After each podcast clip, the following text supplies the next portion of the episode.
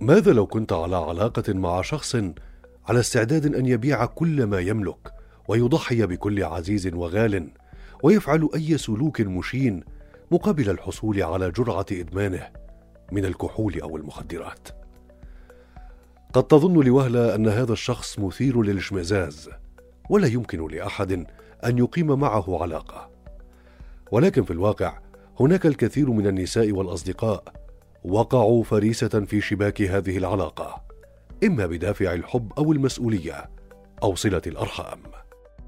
حديثنا هنا ليس عن الإدمان ولا عن المدمنين إنما عن خطورة العلاقة وصعوبتها معهم بيرسونا نبحث في أغوار النفس لنعيد اكتشاف من حولنا. برؤية مختلفة. في الموسم الجديد من بيرسونا سنفهم كيف تؤثر هذه العلاقات في صحتنا النفسية والجسدية. ونبحر في أنواع شخصيات كثيرة تنهك أرواحنا لنعرف كيف نحمي أنفسنا من خطرها. الإدمان. تعددت أشكاله ونتائجه واحدة. غياب عقل ونفسية مضطربة وسلوكيات مشينة ومتهورة. وما إلى ذلك.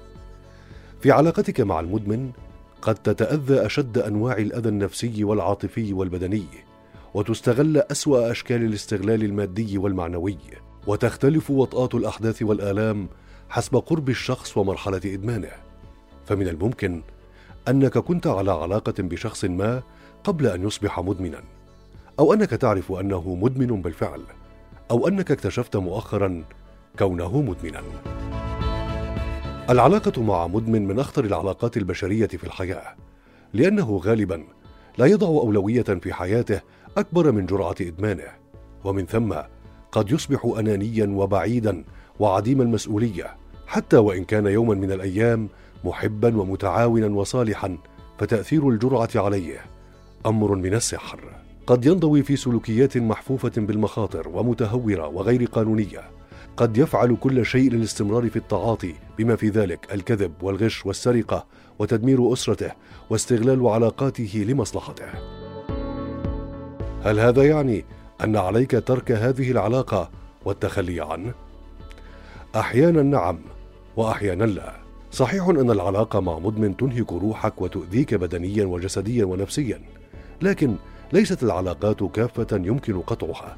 فإن جمعتك علاقة صلة رحم وقرابة به فلا بد من حمله على العلاج وعدم التخلي عنه في هذه المحنة والتأكد من أنه لن يعود مرة أخرى. أما إن كانت علاقة صداقة وحاولت مساعدته على العلاج ولم يستجب فحينها لا بد أن تنفذ بنفسك ولا تبقي أي صلة بينكما. فقد يأتي اليوم الذي يستغلك أو يجرك فيه إلى منطقته حتى تدخل عالم الإدمان. وتوصد عليك أبوابه. شاركنا ارائك وتعليقاتك ولا تفوت حلقتنا القادمة من بودكاست بيرسونا بزاوية أخرى. نرى من حولنا.